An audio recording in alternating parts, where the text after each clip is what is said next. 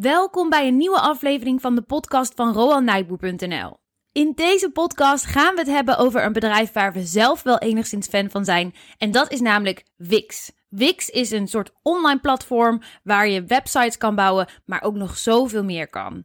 Waarom zijn we fan? Nou, onze eigen website loopt via Wix. En zo kwam Roan ook op het idee om eens te gaan kijken of Wix überhaupt beursgenoteerd is en of het wat was als belegging. Nou, die laatste vraag, of het een leuke belegging is, daar gaan we in deze podcast antwoord op geven. En het leuke is, Roan heeft in maart al eens een beleggingsanalyse geschreven over Wix. Dus daar gaan we zeker ook even naar terugblikken. Dat en meer in deze aflevering. Blijf luisteren.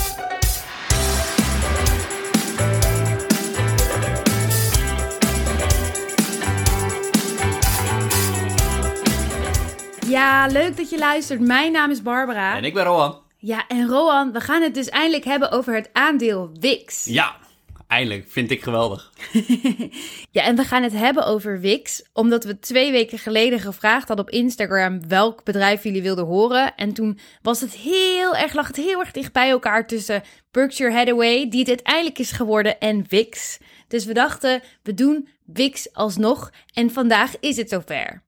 Ja, en Roan, je hebt het wel vaker over Wix voor mensen die ons volgen. oh, Ja, in de podcast misschien wat minder, maar bijvoorbeeld op Instagram of onze members, die zullen je zeker vaker gehoord hebben over Wix. Ja, in onze mailing ook wel eens over gehad. Wat is er zo bijzonder aan Wix? Nou, ik vind het gewoon een heel vet bedrijf. Ik heb er zelf aandelen en ik ben super enthousiast over het product. Dus ik spreek hier niet alleen als eh, aandeelhouder, denk ik, maar ook als fan van het product. Ah, dus je iedereen, hier dus al iedereen gelijk, die een droom heeft om een website te bouwen, doe dat met Wix. je geeft hier al gelijk een tipje van de sluier, want je bent dus aandeelhouder. Ja, ja. En normaal vraag ik je dat aan het einde van de podcast, maar nu geef je hem al gelijk weg. Je hebt aandelen Wix. ja. ja, omdat ik dat volgens mij ook wel eens genoemd heb in, de pod, in een eerdere podcast. Dus eh, ja, gelijk transparant. En hoe lang heb je al aandelen Wix? In eh, januari, net voor corona. Oké, want je hebt er ook een beleggingsanalyse over geschreven, Klopt. maar volgens mij was die van maart. Die was van maart, ja. Ja, Oké, dus toen had je al aandelen Wix en toen dacht je, ik ga over dit geweldige bedrijf een beleggingsanalyse schrijven. ja klopt. Oké, heb je de analyse er nog weer bij gepakt? Nou, ik heb, hem, ik heb hem net inderdaad even gecheckt wat ik gezegd heb en wat de koers toen was. En die koers was 78 dollar. Toen, toen je in maart schreef. Ja, Oké, ja. en nu? Moet ik bij zeggen, dat is dus eh, in corona, waarin alle beurskoersen wat lager stonden. Nu staat de beurskoers eh, op 250 dollar. Dat is een eh, leuke belegging geweest. 220% eh, rendement in dollars. Er moet nog wel wat van af, want de dollar is wat verzwakt ten opzichte van de euro met 10 à 15% dit jaar. Dus dat gaat er nog vanaf. Oké, ja, je krijgt toch dan met de exchange rate te maken. Zeker.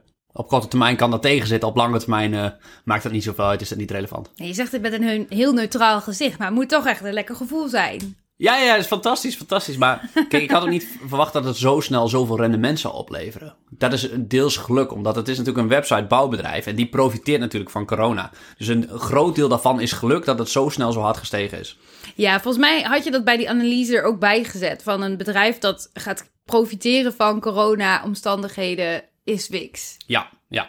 Ja, mogelijk hè, had ik erbij gezet geloof ik. ja, ja, ja, altijd die slag om de arm. Maar, maar het, het valt denk ik wel mee. Het bedrijf profiteert niet zo extreem van corona als webshops bijvoorbeeld. Of een concurrent als Shopify. Die profiteren veel extremer omdat die allemaal pakketjes versturen. Mensen die een website met Wix bouwen, die zijn dat niet om pakketjes te versturen. Dat is geen e-commerce, zeg maar. Dus die profiteren veel minder. In die zin is er wel een versnelling naar online. Maar als je ziet naar de omzetgroei wat, ze, wat het management aan het begin van het jaar als verwachting had gegeven, die zouden in 2020 met 24% de omzet laten groeien. Nou, de verwachting is nu opgehoogd naar 29%. Nou, dat is wel iets hoger, 5 procentpunten hoger, maar niet extreem veel hoger. Dus ze profiteren in die zin niet extreem van corona zoals andere internetbedrijven. En ik weet dat je laatst hun Q4, eh, hoe noem je dat? De, eh, dat ze zo'n gesprek doen over het kwartaal. Ja, ja, hun earnings call, dat is altijd Earnings fantastisch. call, Dan kun je naar management luisteren en hun plannen. En dat was van Q3 trouwens, Q4 moet nog Oh ja, komen, maar eh, Ja. dat bedoel je. ja, dat bedoel ik. Daar zag ik je naar kijken. En zie je dat dan ook, dat de cijfers niet heel erg corona gerelateerd zijn? Dat er niet zo heel veel gebeurd is? Of zie je toch ook wel dat Wix wel ervan profiteert? Nou, je ziet wel dat ze ervan profiteren doordat ze veel meer abonnees afsluiten. Maar een abonnee, een nieuwe abonnee, betekent nog niet per se dat de omzet van het bedrijf heel erg gaat groeien. Want heel veel beginnen eerst met een gratis website. En Ja, daar verdient Wix niks aan. Dit is het punt waarop we denk ik er goed aan doen om even uit te gaan leggen hoe Wix precies in elkaar zit. Oh ja. Wat Wix precies is. Ja, En eh, voordat we daarin duiken, voor degene die het leuk vindt om die beleggingsanalyse nog terug te lezen, die kun je al vinden op onze website onder over beleggen en dan beleggingsanalyses. Maar ik zal zorgen dat hij ook in een eh, blog tevoorschijn komt, waar we even er naar terug verwijzen, zodat je hem nog kan teruglezen als je dat leuk vindt. cool. Ehm, Oké, over Wix. Ja, eh, wat wil je weten, het verdienmodel? Of wat het is? Ja, ja. Nou, beide. Nou, het is een websitebouwbedrijf in de cloud. Daar kan je je website mee bouwen. En ze zijn nu nog heel erg gefocust op de, de do-it-yourself markt. Dat je zelf je website Hey. bouwt. We hebben ook iets dat do-it-yourself heet. Oh ja, ja, ja. Ons nieuwe membership. Ook echt een vette investering, net als Wix trouwens. Dit was de slechtste brug ever. Ja, Maar ik moest hem grijpen. ja heel goed. Dat is heel goed. Heel goed. Oké. ehm, ja, we hebben een do-it-yourself membership gelanceerd. Een training waar je leert om een topbelegger te worden. De eerste zijn al begonnen en volgens mij zijn die hartstikke enthousiast. En eh, je kan gelijk aan de stad en in je eigen tijd en tempo volgen. En ik ben er ontzettend trots op wat we, wat we in elkaar gezet hebben de afgelopen tijd, Barbara. Wat jij? Ja, ik ook. Het is echt ontzettend gaaf geworden. En eh, ik ben benieuwd wat mensen ervan vinden. Ja, dus als je meer info daarover wil, kan je naar rowanijboe.nl slash membership. De link staat ook wel in de show notes. En dan wil ik nu graag eh, terug naar Wix, want dat vind ik toch echt het leukste om het over aandelen te hebben. Wix is een do-it-yourself websitebouwbedrijf. Dus als wij een website willen bouwen of de luisteraar wil een website bouwen, dan denk ik dat Wix daarvoor de beste partij in de wereld is. Behalve als je een e-commerce website wilt bouwen, dan zul je echt naar Shopify moeten. Maar als je gewoon een website wil om online zichtbaar te zijn, eventueel online cursussen te verkopen of andere dingen te verkopen, het kan allemaal via Wix. Alles is mogelijk is dat een fantastische partij. En het is veel meer dan een websitebouwbedrijf. Want in Nederland ken je misschien wel concurrenten als een... Heb je wel eens van Jimdo gehoord op reclame of Strato? Misschien ken je Scooter nog, die DJ eh, uit de jaren 90. maar die speelt in die reclame en die roept dan Strato. Strato people! If you want a website, including mail and your name as a domain, Dat is dus ook een soort van concurrent. Maar de gebruiksvriendelijkheid van dat soort platformen is veel minder dan bij Wix. Want bij Wix, en dat weet jij, je kunt alles op die website. Het is gewoon een platform en daarom is het de beste partij. Met veruit de meeste gebruikers, namelijk 189 miljoen geregistreerde gebruikers in de wereld. Dat is twee keer zo groot als de eerstvolgende concurrent. En maar is Shopify dan een concurrent volgens jou of niet? Ja, ik vind dus van niet. En ik denk dat de markt daar mis ziet. Omdat Shopify dus veel harder groeit. Met wel 70% ten opzichte van Wix met slechts 29%. Iedereen weet die zichzelf serieus neemt om online producten te verkopen, pakketjes. Ja, dan doe je dat met Shopify. Dan ga je niet naar Wix. Ik wil, ik wil nog één ding ingooien, want dit blijft in mijn hoofd spoken. Heel veel mensen zijn, geloven heilig in WordPress. En ook WordPress heeft deze mogelijkheid die Shopify biedt met WooCommerce. Dus mijn vraag aan jou is, waar past WordPress in dit plaatje? Ja, WordPress is ook de grootste speler, maar wij hebben zelf onze oude website geprobeerd te bouwen met WordPress om de kosten laag te houden. En dat is inderdaad veel goedkoper, maar het werkt niet. Het is niet gebruiksvriendelijk. En Ja, even full disclosure, want wij gebruiken dus Wix. Maar dat is inderdaad voortgekomen uit dat ik persoonlijk gewoon echt een bloedhekel heb aan WordPress. Het is gewoon niet aan mij besteed. Ik vind het niet heel vriendelijk. Ik, eh, ik ben zelfs naar meetups geweest van WordPress en zo. Dus ik heb er echt van alles aan gedaan. Maar na een half jaar waren we nog steeds niet bevriend. Het was echt, ik vond het een hel. Ja, en als je ook nog andere dingen wilt doen naast een website bouwen, zoals een, een mailing wil versturen, dan heb je Mailchimp bijvoorbeeld nodig bij WordPress. Als je dat serieus wil aanpakken, betaal je daar weer voor. Je hebt een betaaloplossing nodig, dan moet je daar weer voor betalen als je dat serieus wil aanpakken. Dus je hebt heel veel andere pakketten nodig om je website goed functionerend te laten zijn. En met Wix zit dat daar allemaal in. Ja, het zit er wel in, maar ik wil het wel gelijk duidelijk scheppen. Want bij Wix betaal je wel zodra je meer gaat doen. Dus ze bieden heel slim eerst een gratis versie. Dan kan je nog niet zoveel, maar je hebt wel gewoon een mooi visitekaartje van een website. Dan kun je upgraden naar een betaalde plan. Dan kun je al veel meer. Maar ze hebben wel heel slim zo ingeregeld dat op het moment dat je echt een wat serieuzer bedrijf wordt, waardoor je wat meer gaat willen. Bijvoorbeeld dat je wekelijks een e-mail wilt gaan versturen in plaats van één of twee keer per maand. Dan ga je betalen. Dan moet je wel weer extra dingetjes aanschaffen. Dus dat op zich zit dat er wel in. Ja, dus kla- klassieke freemium model zoals Spotify dat ook heeft. Eerst krijg je reclames voor de gratis variant. En later, als je de premium variant wil zonder advertenties, ja, dan ga je betalen. Als je meer functionaliteit wil, ga je betalen. Maar dit geeft, dat freemium model geeft heel veel klanten de kans om te kijken wat het product is, zonder daar gelijk aan een contract vast te zitten. En dat is gewoon geniaal. Geloof je dan ook een beetje dat je in een Wix-ecosysteem kunt komen? Nou, wij zitten behoorlijk vast in dat Ja. ecosysteem hoor. Ze kunnen ons nu alles door de strot duwen, want het is bizar. Want wat betalen wij? 300 euro per jaar, dus 25 euro per maand. En daar heb je je totale IT op. Ja, dat is, dat is ontzettend goedkoop. Dat je je bedrijf runt op 300 euro per jaar. Ja, Dus zij kunnen ons in de toekomst, en dat gaan ze ongetwijfeld doen, want dat is een deel van de optionaliteit aan dit aandeel, allemaal extra diensten door de strot duwen die wij als slaven gaan kopen. ja. Ja, en we merken dus soms al dat we moeten. Als we dus wat vaker een mailtje willen sturen, dan moet je. Ja, Ja. ja. en, en waar we dan waarschijnlijk ontzettend blij mee zijn. Want alle extra diensten die ze de afgelopen jaren hebben ontwikkeld, dat is, dat is echt geweldig, vind ik. Ja, en laten we eerlijk zijn, overstappen als je met dit soort IT-dingen bezig bent, is gewoon een hel. Ja, en dan zijn we denk ik al gelijk bij, de, bij het competitieve voordeel, als ik jou zo mag horen. De wisselkosten. Wie wil er nou wisselen? Ik wil nooit meer wisselen. Dan stop ik echt mijn bedrijf. Oh, maar ik wil nog wel even, voordat we naar het competitieve voordeel gaan, kom je zo bij je op terug. Ja? Ik heb nog geen duidelijk antwoord op die WordPress. Waar staat WordPress in dit verhaal? Nou, WordPress is iets meer voor de pionier die echt, echt van uitzoeken houdt en er echt heel veel tijd in wil stoppen in die website bouwen. Maar het is gewoon een inferieure oplossing, omdat het te weinig voor de klant gebouwd is. Voor Is de... dit jouw persoonlijke mening of is dit op de een of andere manier een onderbouwde mening? Nou, het is vooral uit eigen ervaring wat ik met WordPress, die frustratie dat onze relatie daar bijna om gesneuveld is, die frustratie met die website bouwen via WordPress in eerste instantie.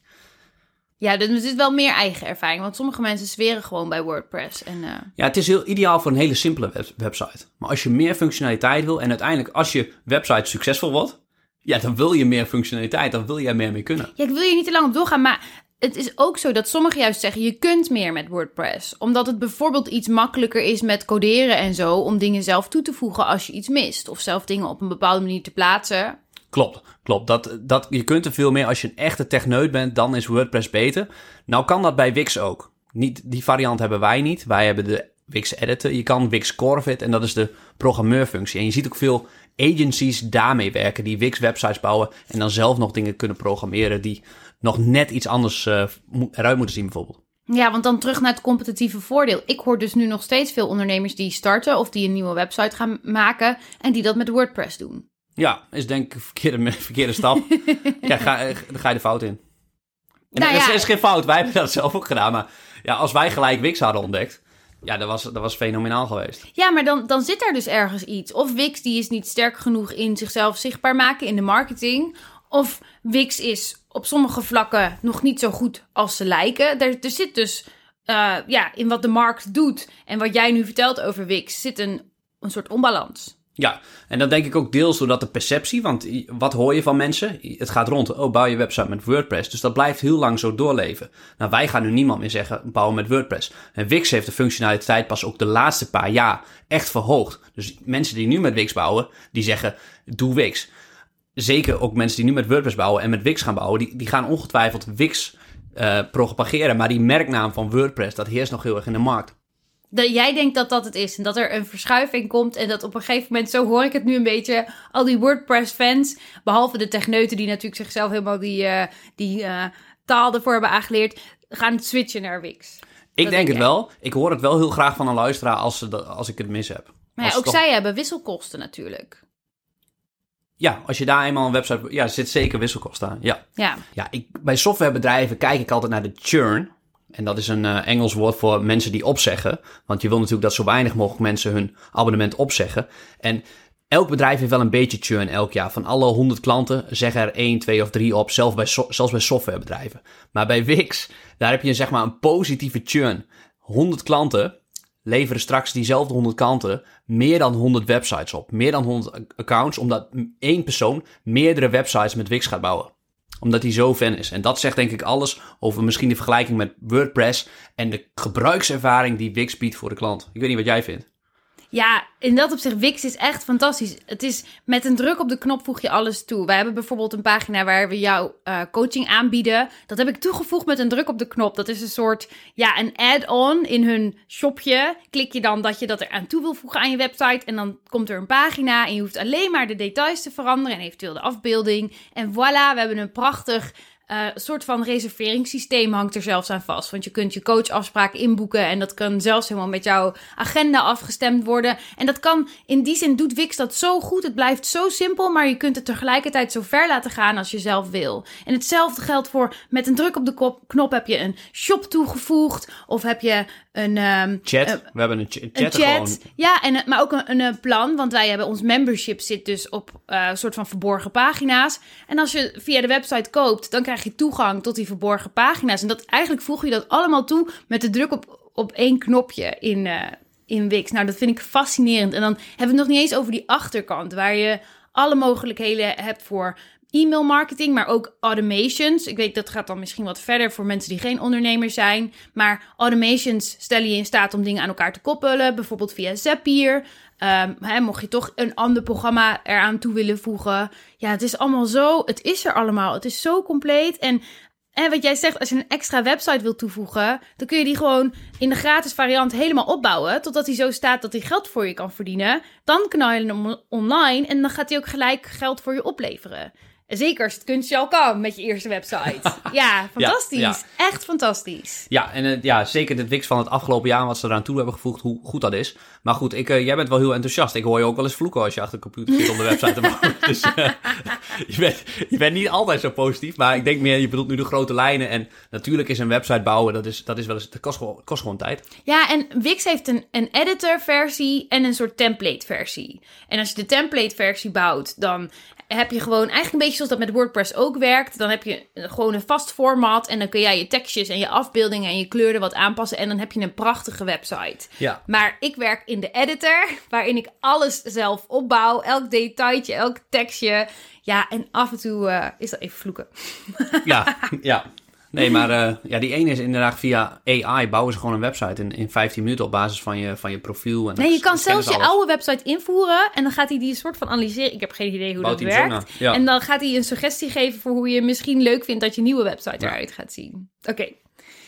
Volgens mij gingen we naar het competitieve voordeel. Ja, want Web- Wix is dus een do-it-yourself website bedrijf. Want dat wil ik nog even afmaken. En er zit optionaliteit in dat ze ook de markt voor de agencies opgaan. Dus de do it for me. Stel dat wij te lui waren om een website te bouwen en het laten uitbesteden. Dan doen we dat door een eh, websitebouwbedrijf. En die bouwt dan ook dan een website met software. Dat kan met WordPress, dat kan met een Magento.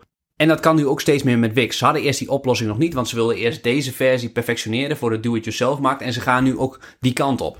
En in die zin denk ik dat het mogelijk is dat ze daarmee ook WordPress en andere grote spelers in die markt gaan verpulveren, omdat ze een veel betere oplossing hebben dan de andere spelers. Ja, en wij hebben in de buurt hier vlakbij al eentje gespot, hè, die echt met Wix bouwt. Ja, ja, ja, in Zwolle, de buren bijna. Ja, ja. ja. Daar gaan we binnen, ga ik binnenkort langs. Nee, maar ik, wil weten hoe, ik wil weten hoe gebruikservaring is.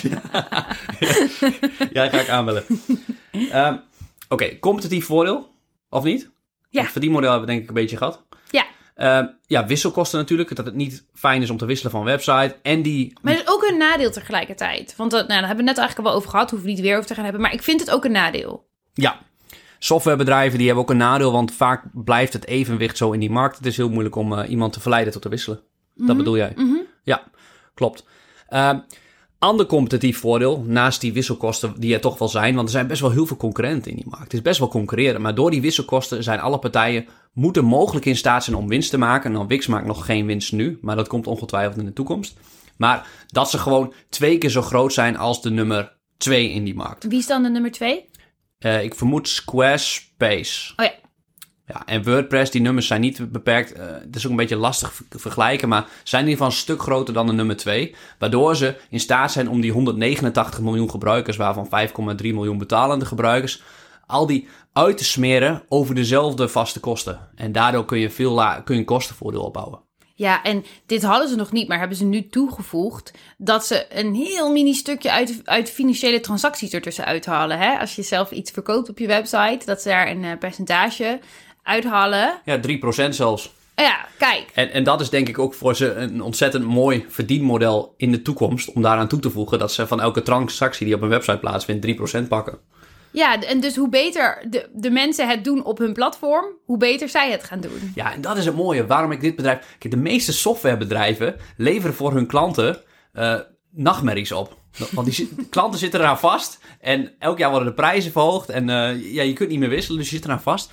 Wix is een verademing voor zijn klanten. Die proberen echt het product beter te leveren. Want ze hebben ook dezelfde belangen als de klant. Want als ze een goed product leveren, vinden er meer transacties via een Wix-website plaats. En profiteren zij. Dus die belangen van het bedrijf en de klant en wij, dat, die zijn verenigd. Ja, je hebt het altijd over de psychologie van beleggen. Maar ik vind je nou toch wel echt heel enthousiast hoor. Ja, je ben- bent echt gewoon fan. Dit, dat gaat de valkuil worden. Ik ben misschien verliefd. Ik denk, Misschien moeten we deze podcast schrappen. Want als dit misgaat, want er zijn zeker wel risico's dat het helemaal in de soep loopt. Ik kan de toekomst niet altijd even goed voorspellen. Ja, dan, eh, blijven we dit tot het einde der tijden horen. Dat zou je mooi vinden, hè? Ja.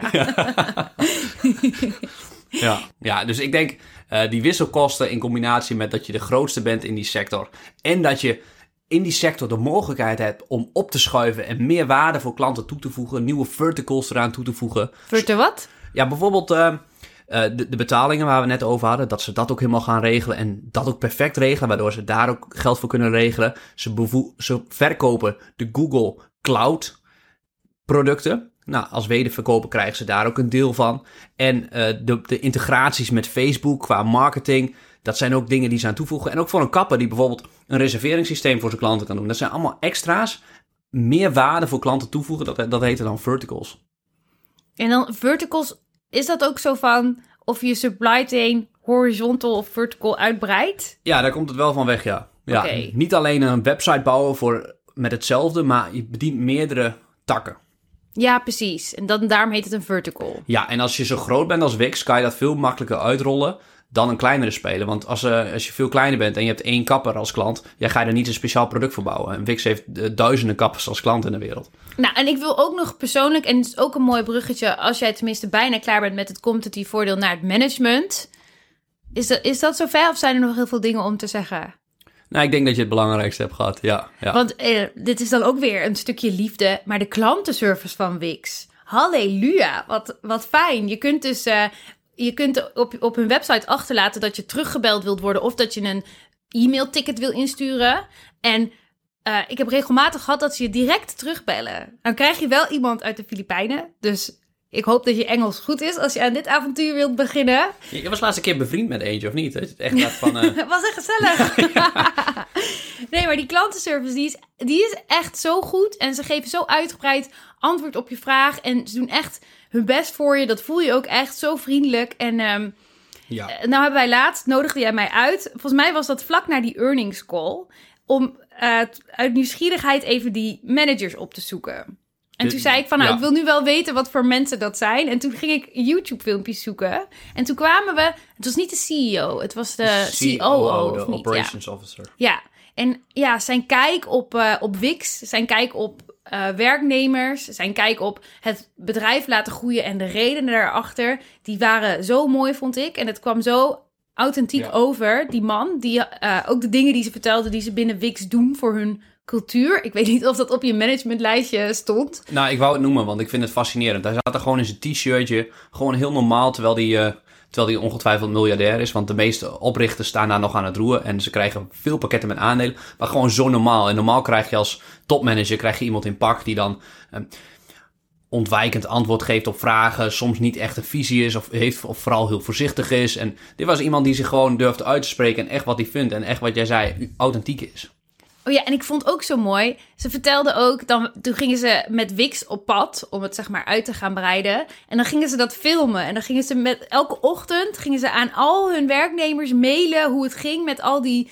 Volgens mij het investeringsgesprekken of zo. Dan gingen ze naar al hun werknemers een zeg maar update filmpje sturen over hoe die gesprekken verliepen. Omdat ze heel erg geloven in transparantie. Ja. En dat je met z'n allen bouwt aan dat bedrijf. Dus geen geheimzinnig gedoe, geen ivoren torentjes, maar gewoon iedereen betrokken, iedereen neust dezelfde kant op. En we vinden het belangrijk dat jullie ook weten wat er gaande is. Ja, ja dat, is heel, dat is echt klasse. Want Vond dan ik heel vet. voel je echt een familie. Ja, ik, weet, ik, weet- ik herinner me weer dat ze die cijfers deelden van het aantal gebruikers dat erbij was gekomen. En inderdaad, normaal wil topmanagement van beursgenoteerde bedrijven willen alle informatie zoveel mogelijk beperkt houden en in hun eigen toren. En Wix deelt dat gewoon. En ja, ja, dan geef je meer informatie in de markt, want heel veel lekt ook uit. Maar ze zijn nergens bang voor.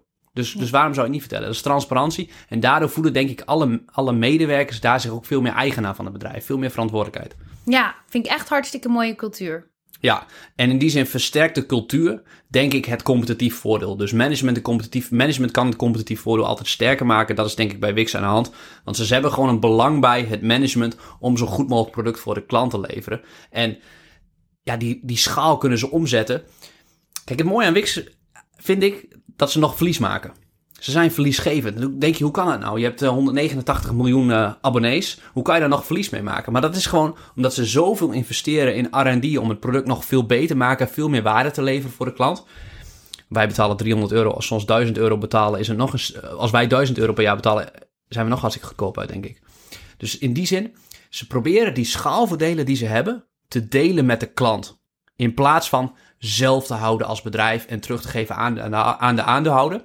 Dat is een korte termijn ding. Als je teruggeeft aan de klant, je deelt je voordelen met de klant, dan krijg je een soort van vliegwiel dat niet te stoppen is. Amazon is een groot mee geworden. En ik denk dat Wix er nog veel groter mee gaat worden in deze wereld. In deze sector. Ik zit net te denken, volgens mij hebben we een paar basisdingen helemaal niet benoemd, zoals we dat normaal wel aan het begin van de podcast doen. Onder andere bijvoorbeeld eh, hoeveel het bedrijf waard is.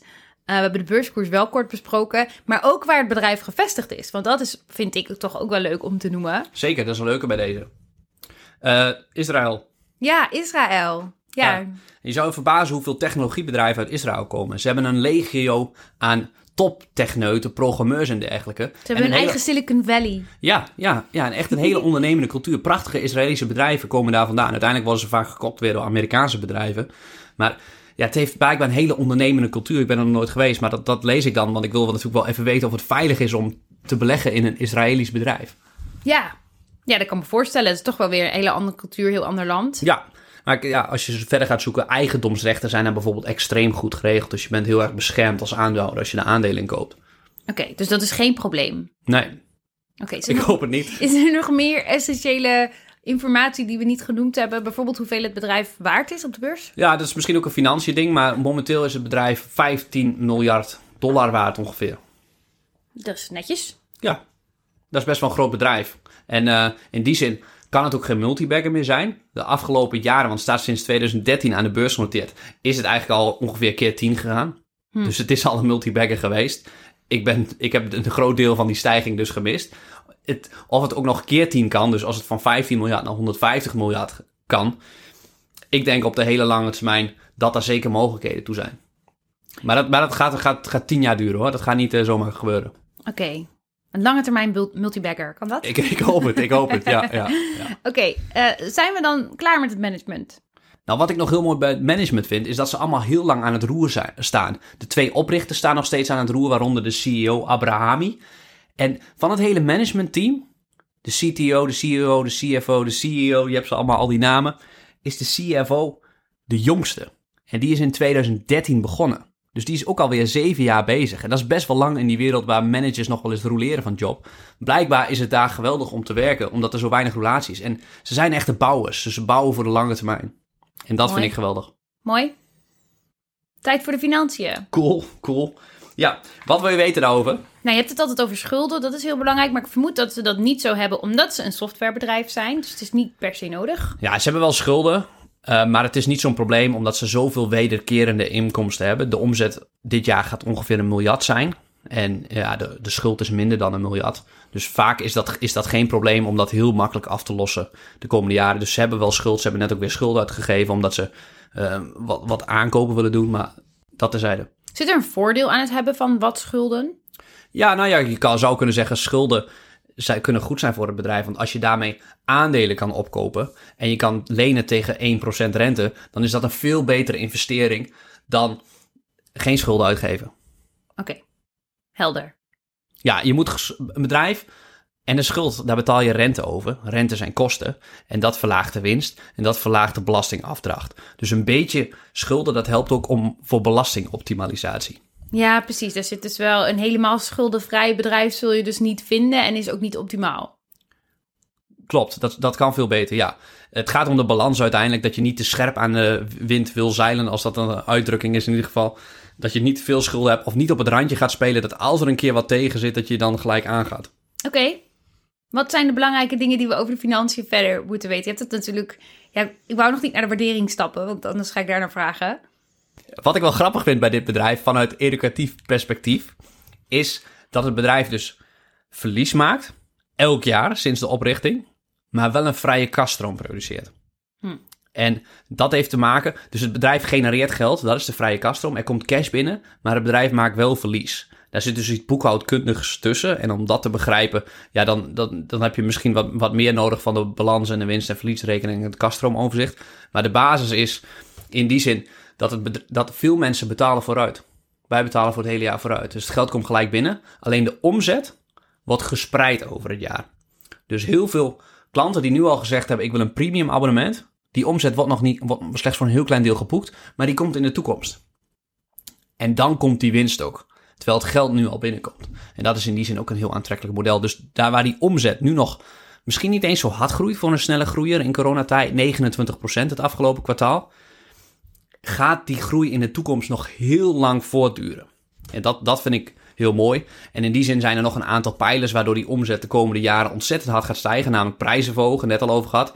Eh, ze hebben heel veel pricing power, want ze kunnen nog heel veel extra de prijzen verhogen. Ze hebben ook aangegeven dat ze dat gaan doen, omdat ze zich eh, in die zin te goedkoop in de markt eh, hebben gezet. Om op dit moment veel mensen te winnen. Ja, dus eerst die massa en dan tegen een wat lager tarief. En nu ze de massa wat meer bereikt hebben en wat meer bekendheid, gaan ze natuurlijk langzaam die prijzen omhoog gooien. Dat is ook wel logisch. Zeker, zeker. Ja. En eh, ja, ze kunnen dat perfect meten, wat, wat dan kan en wat dan slim is en zo. En nog andere groeipijlers van de bestaande klanten die meer websites openen en de nieuwe klanten. En ze hebben zelfs op hun website uitgerekend dat de bestaande klanten die er nu zijn, de komende acht jaar alleen al 9,2 miljard dollar aan opbrengsten aan Wix gaan afdragen, aan abonnementen. Dat kunnen ze dan via hun model doorrekenen. Dus alles wat daar doorgerekend, in- in die zin wordt het bedrijf heel financieel aangestuurd. En in die zin kom ik weer terug op dat de vrije kaststroom wel hoog is en de winst heel laag. Want wat doet het bedrijf? Dit jaar een miljard omzet. Daarvan qua kosten ongeveer 400 miljoen in marketing. Voornamelijk in advertenties via Facebook, Google, op allerlei manieren. 40% van de omzet stoppen ze gewoon in marketing. Die kosten zijn nu weg. Als ze daar nu mee zouden stoppen, he- helemaal met marketing, dan stopt de groei natuurlijk een beetje, dus dat is niet slim. Maar dan maken ze in één keer 400 miljoen winst. Als ze die kosten weghalen. En nu zijn die marketingkosten nog heel rendabel. Want elke euro in marketing hebben ze binnen een jaar weer terugverdiend. Ja, oh, dit herinner ik me van die gesprekken. Zij sturen op die ROI continu. Bij alles wat ze doen, sturen ze op ROI. Dat was het. Je triggerde me net al een beetje. Toen dacht ik, ah, maar ze stuurden op één ding de hele tijd. En dat was dat ze de hele tijd kijken naar hoe snel verdienen we dit terug. Ja, Te lang perspectief en dan doen ze het niet. Ja, en als aandeelhouder wil je er ook naar kijken. Je wil echt die ROI van bedrijven onder controle hebben. Maar ROI werkt natuurlijk ook met marketing zo. En zolang die ROI goed is, ja, moet je er zoveel mogelijk geld in pompen. Om op de lange termijn zoveel mogelijk waard te worden. En dat is wat Wix doet. Sterker nog, als die marketingkosten gaan dalen. Dat zou betekenen dat, dat de beste groeikansen eruit zijn. Dus dat zou iets heel slechts zijn. Want het gevolg is dan dus marketingkosten dalen. Dus de winst gaat in één keer stijgen. Het bedrijf gaat veel meer winst maken. Maar eigenlijk slecht voor het bedrijf. Omdat de groei eruit is. Ja. Oh, het, duizelt me wel een beetje naar je hele cashflow winstverhaal. Sinds het membership begrijp ik eindelijk hoe die verhouding ligt tussen eh, waarom je cashflow wil en hoe dat werkt. Want dat zijn dan operationele kosten, toch? Dat zit in die Operationele kaststromen. ja, operationele kaststromen, dia. Ook, oh, maar het duizelt me wel een beetje. Als er een luisteraar is die het ook een beetje duizelt naar al die financiële termen van net, dan eh, ben je niet alleen. Ja, het is pittig, maar ik denk als je daarmee bezig gaat, als je daarmee gaat oefenen, dan ga je dat wel begrijpen. En dat gaat je wel zoveel meer opleveren door begrip. En begrip in bedrijven en ook in de financiën gaat je zoveel meer rendement in de toekomst opleveren. Cool. Ehm, is er nog iets anders dat je wilt zeggen over de financiën? Want we komen ook een beetje krap in de tijd, dus anders gaan we door naar waarderen. Ja, laten we de waardering doen. Ik weet überhaupt niet of mensen hier helemaal op zitten te wachten dat wij een half uur weer over één bedrijf praten, over Wix, wat ze helemaal niet kennen. Maar ja, je hoeft natuurlijk niet te luisteren, dus ik vind het leuk en wat mij betreft gaan we gewoon door. Toch? We gaan naar de waardering. Oké, de waardering. Nou, het bedrijf maakt dus geen winst, zei ik net al. En je, Oh, dus dan valt zoiets als de koers-winstverhouding valt al af, die je normaal pakt, want er is geen winst. ja, juist. Ja, ik steek Dus dan lijkt het sle- super slechte waardering gelijk. Heel goed. Ja, dus ik steek hier net eh, voor de luisteraar twee duimen op naar Barbara. Dat ze zo goed altijd luistert. Ik moet ook leren om een beetje een naar haar te luisteren erin? soms. Maar wat? Een jaar erin en dan snap ik het eindelijk een beetje. Ja. Nee, de koers-winstverhouding werkt niet, want het bedrijf maakt dus geen winst. En dan ga je dus eh, bedrijf na... Valt het bedrijf eigenlijk af bij een stockscreener bijvoorbeeld, omdat je een winstgevend bedrijf in principe wil. Onderliggend is het bedrijf extreem winstgevend. Ehm, waar je- wat je dan naar kunt doen, is kijken naar de koers-omzetverhouding. Dus hoeveel is de beurskoers ten opzichte van de huidige omzet per aandeel? En die is ongeveer 15. De price to sales in het Engels. Ter vergelijking, Shopify zit op 52. Big Commerce, een andere beursgenoteerde concurrent, zit op 33. Dus allemaal een stuk hoger. Ik denk 15 voor een softwarebedrijf is gemiddeld. Veel softwarebedrijven noteren hoger, sommige noteren lager. Alles is afhankelijk van hoe hard je groeit en welke multiple daarbij hoort. Ik denk niet per se... Eh, sorry, welke, welke ratio? Dus een koers-omzetverhouding van 15 is een multiple, 20 is een multiple, 25 is een multiple. Dus een veelvoud van de omzet. Oké. Sorry. ja. Ehm, dus in die zin hangt alles van de groei af en hoe lang en hoe hoog die groei gaat zijn in de toekomst, wat voor multiple gerechtvaardigd is. Oké. Maar ik- de conclusie over 15? Ja, stuk, kijk, het is een stuk minder aantrekkelijk dan aan het begin van het jaar. Want de beurskoers is fors gestegen. Dus een heel groot deel van het rendement is in die zin al weg. Kijk je 5 à 10 jaar vooruit, dan denk ik dat dit een prima belegging gaat zijn. En met meer dan 10% in ieder geval per jaar. En er zit nog wat optionaliteit in. Dus als ze extra markten weten aan te boren, dan kan dat meer worden. In principe, Met, met ehm, hoe noem je dat? Er zit nog wat optionaliteit in, zei je. Dat is denk ik wat je... In het mem- membership heb je zo'n voorbeeld waar je eh, eh, Google uitkleedt... en laat zien hoeveel diensten Google heeft die nog gratis zijn voor ons gebruik. Zoals YouTube, zoals Android, zoals de browser, de zoekmachine. En eh, dat als je daar geld voor zou gaan vragen, ook al is het een euro... dat er dan in één keer een gigantische winst bij opgeteld wordt... door de hoeveelheid gebruikers... Bedoel je dat met optionaliteit? Ja, dat deels. En dat zijn dingen dan als bijvoorbeeld de betalingen en de cloud-divisie en de markten uitrollen bij Wix. Want Wix heeft dat ook allemaal. Maar ook qua optionaliteit dat ze nog nu vooral gericht zijn op de do-it-yourself-markt. En de do-it-for-me-markt is een veelvoud groter. De meeste mensen willen nog steeds liever hun website laten bouwen bij het bedrijf. En als ze dat kunnen betreden, ja, dat is, dat is kassa. Oké, dus dat is een hele grote optionaliteit voor ze. Ja, is wel lastiger om die markt te veroveren. Dus ik weet niet of het gaat lukken. Dat zal de vraag zijn. Dat moet de komende jaren uitwijzen. Want ze hebben nu dat product in, in een beta-versie. Maar dat is een mogelijkheid dat dat extra optionaliteit biedt. Ik hou van optionaliteit, man. Oké, Ja. ja, dan, dan, zit er, eh, dan zitten er nog mogelijkheden in, toch? Anders dan zit hij op een gegeven moment aan het einde van zijn, zijn levenscyclus, zoals je dat zo mooi uitlegt. En dan, ja, dan is er niet veel route meer daarna. Ja, dus het is goed dat ze dat soort eh, manieren gaan verkennen. En eh, dat doen ze denk ik heel slim. En daarom is het zo fijn dat het management ook oprichters zijn. Dat ze daar echt voor de lange termijn in zitten. En daar echt een geweldig product gaan bouwen. En daar ook echt voor gaan. Terwijl veel bedrijven het half doen. Oh, we gaan het even proberen. Oké, het werkt niet, we stoppen mee. Oké, En goed, wat, ja, qua waardering, een koers-winstverhouding werkt dus niet. Maar je kan wel zeggen van wat als, wat als dit bedrijf volwassen is? Wat voor winstmarges gaan ze dan draaien? Ik denk een, een softwarebedrijf, een goede, kan, kan minimaal 30% netto winstmarges gaan draaien. Omdat het gewoon geen investeringen meer heeft. Die zijn allemaal gedaan. En in de toekomst is het alleen nog in die zin melken van de klanten. En dat, ja, dat is fenomenaal. En als je dan 30% winstmarges plakt op de omzet dit jaar van een miljard. Ja, dan hou je een netto winst over van 300 miljoen. En als je dat afzet tegen de huidige beurskoers en marktwaardering, dan, dan is die waardering helemaal niet zo hoog. wat hoe hoog was die waardering? De beurswaarde is een kleine 15 miljard. Dus de koers-omzetverhouding is 15, maar de omzetverhouding is ook eh 15 miljard. Dat is ook wel logisch als dit jaar de omzet een miljard gaat zijn. Ik zie je nog een beetje vertwijfeld kijken. Mijn hersenen kraken over die informatie. ja, Oké, we komen een beetje in de tijd, knoei. oké. Dus ik ga je vragen of er nog dingen zijn die je echt wilt vertellen. Niet over de waardering. Oké, dan wil je denk ik nog kort hebben over de risico's, want die noemde je ergens eerder in de podcast. Ja, heel graag, want dit is zeker geen advies. En eh, de- ja, er zijn altijd risico's dat je belegging in de soep loopt. Ehm, wat, wat ik met dit bedrijf bijvoorbeeld wel een nadeel vind, en is, is de grote aandelenpakketten die ze aan het personeel geven. Echt, echt, echt. Het aantal uitstaande aandelen stijgt elk jaar met iets van 8%.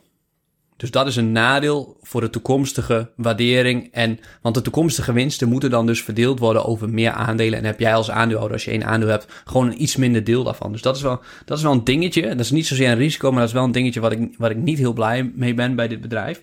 Je bent altijd voor gelijke belangen, maar dat heeft zeg maar zijn limieten. Begrijp ik hieruit? Ja, dit is, dit is best wel extreem. Dat je echt zo, zulke grote pakketten aan je personeel geeft. En dan heb je als risico dat het personeel extreem rijk wordt gedurende de komende jaren. En dat zij voor een heel groot deel eigenaar worden van dit bedrijf door al die aandelenpakketten. En dat de outside aandeelhouders wij eh, minder overhouden van die taart. Oké, het is dus een heel sociaal bedrijf, goed voor de werknemers, maar misschien als externe aandeelhouder dat het iets minder rooskleurig is. Ja, ja het is, eh, de groot deel van die werknemers daar is gewoon miljonair.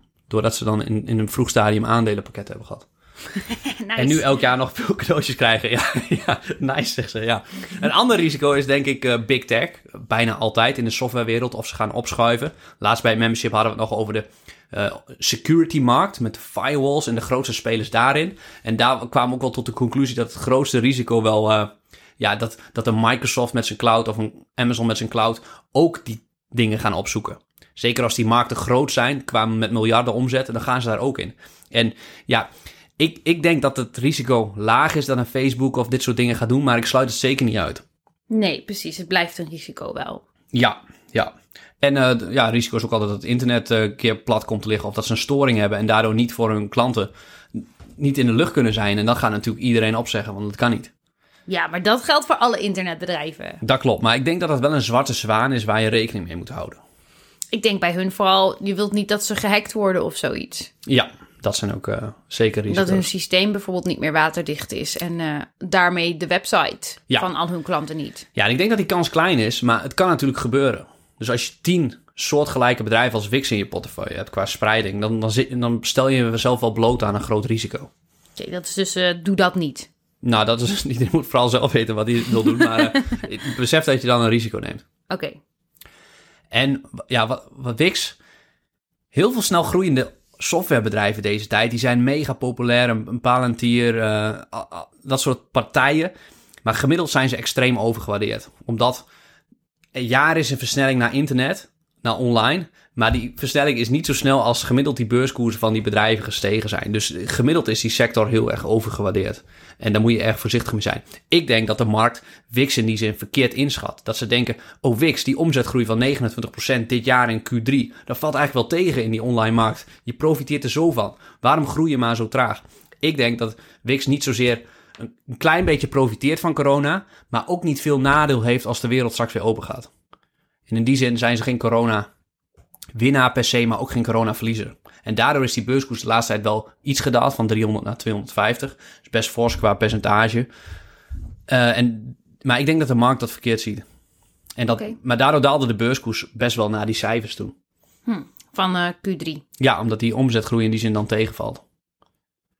Maar nogmaals, dit is geen koopadvies, denk ik. Dit is zeker geen koopadvies. Nee, doe zelf je huiswerk. En bovendien, ja, dit, is wat, dit nemen we nu op. Je weet natuurlijk niet of ik over eh, twee maanden die aandelen nog heb. Nee, dan heb je ze misschien al wel weer verkocht. Dat zou kunnen. Heb je nog iets wat je toe wilt voegen over dit eh, mooie bedrijf?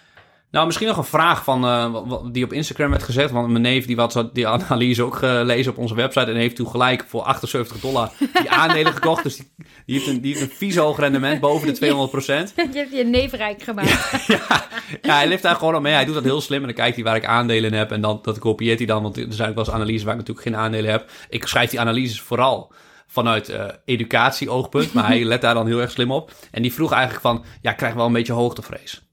Als je zoveel rendement hebt. En, eh, en dat snap ik. En dat heb ik in het verleden ook wel bij heel veel van zulke bedrijven... die ik eerder in portefeuille had, ook wel gehad. En heb ik in het verleden verkocht. Kun je een voorbeeld noemen? Volgens mij heb je dit bij Apple gedaan. Ja, Apple. Apple is Apple's klassiek voor, voordeel, eh, voorbeeld. Ik kocht ze voor 90 dollar, toen steeg ze naar 120 dollar. Ik durf nu niet meer naar de beurskoers van Apple te kijken. Zal ik het even bijpakken? Ja, dat, het, was, het was zo mooi. Ik kocht ze voor 90 dollar en een, een paar maand later kocht Buffett ze.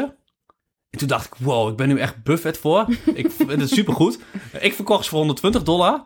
En ik, ik, ik ben zo'n amateur dat ik ze dus verkocht heb. En Buffett is zo'n koning, die, die kocht zelfs bij. Naarmate die meer ging stijgen, ging naar de 200, bleef hij bijkopen. En nu is dat, is dat zijn monsterbelegging. Daar heeft hij, geloof ik, in zijn eentje al 40, 50 miljard dollar alleen op die belegging verdiend.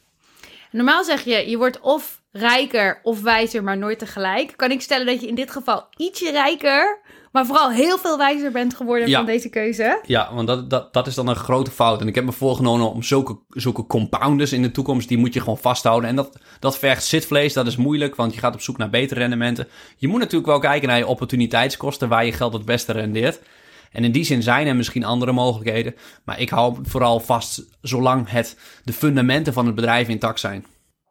Ja, Ron, ik heb even gekeken en eh, de beurskoers staat op iets van 123 van Apple. Dus ja, op basis daarvan zou je kunnen zeggen, dat is best slim om te verkopen voor 120. Ja, Ja, een paar jaar geleden, ja. Eh, nee, maar Apple heeft zijn aandelen gesplitst. Ik geloof eh, voor elk aandeel dat je had, krijg je er nu vier. oh. Dus die- Oh. die, die- als, je, als je dat terugrekent, is die beurskoers eh, zo'n eh, 500 dollar. Dus daar is- wat rendement verloren gegaan. Nou, dit lijkt me een mooie afsluiter, tenzij je echt nog iets kwijt wilt. ja, ja. Nee, eh, maar daar, daar probeer ik van te leren, van elke, elke fout in die zin. Is de boodschap dan ook, heb geen hoogtevrees?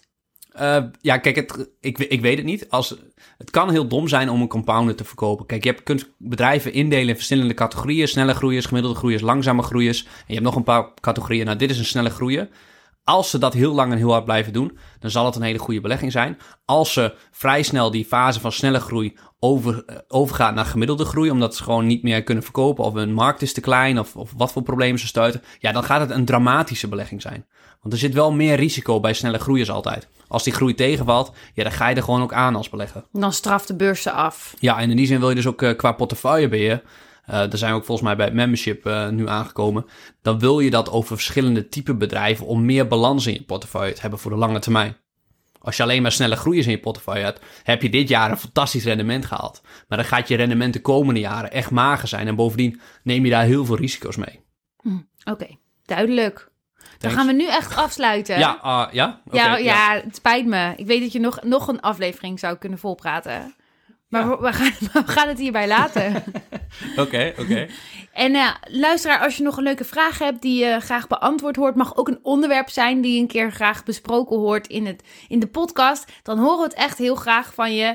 Ehm gisteren kwam die Wrapped uit van Spotify. En toen kregen we allemaal berichtjes dat we zo eh, hoog stonden. Dat we bijvoorbeeld de nummer 1 beluisterde podcast waren. Leuk, of dat mensen Ja. heel veel afleveringen of heel veel minuten hadden geluisterd. En dat vinden we zo ontzettend leuk. Want we maken het toch voor jullie en daar Ja. doen we het voor. Dus we zijn er erg dankbaar voor. En dat wouden we toch nog even laten weten. Ja, dat is echt super vet. En als ik nog persoonlijk als aandeelhouder van Wix een oproep mag doen. Als iemand eh, kennis heeft in die markt en inzicht heeft of Wix ook die do-it-for-me-markt kan gaan veroveren, dan kom ik daar heel graag zelf persoonlijk mee in contact.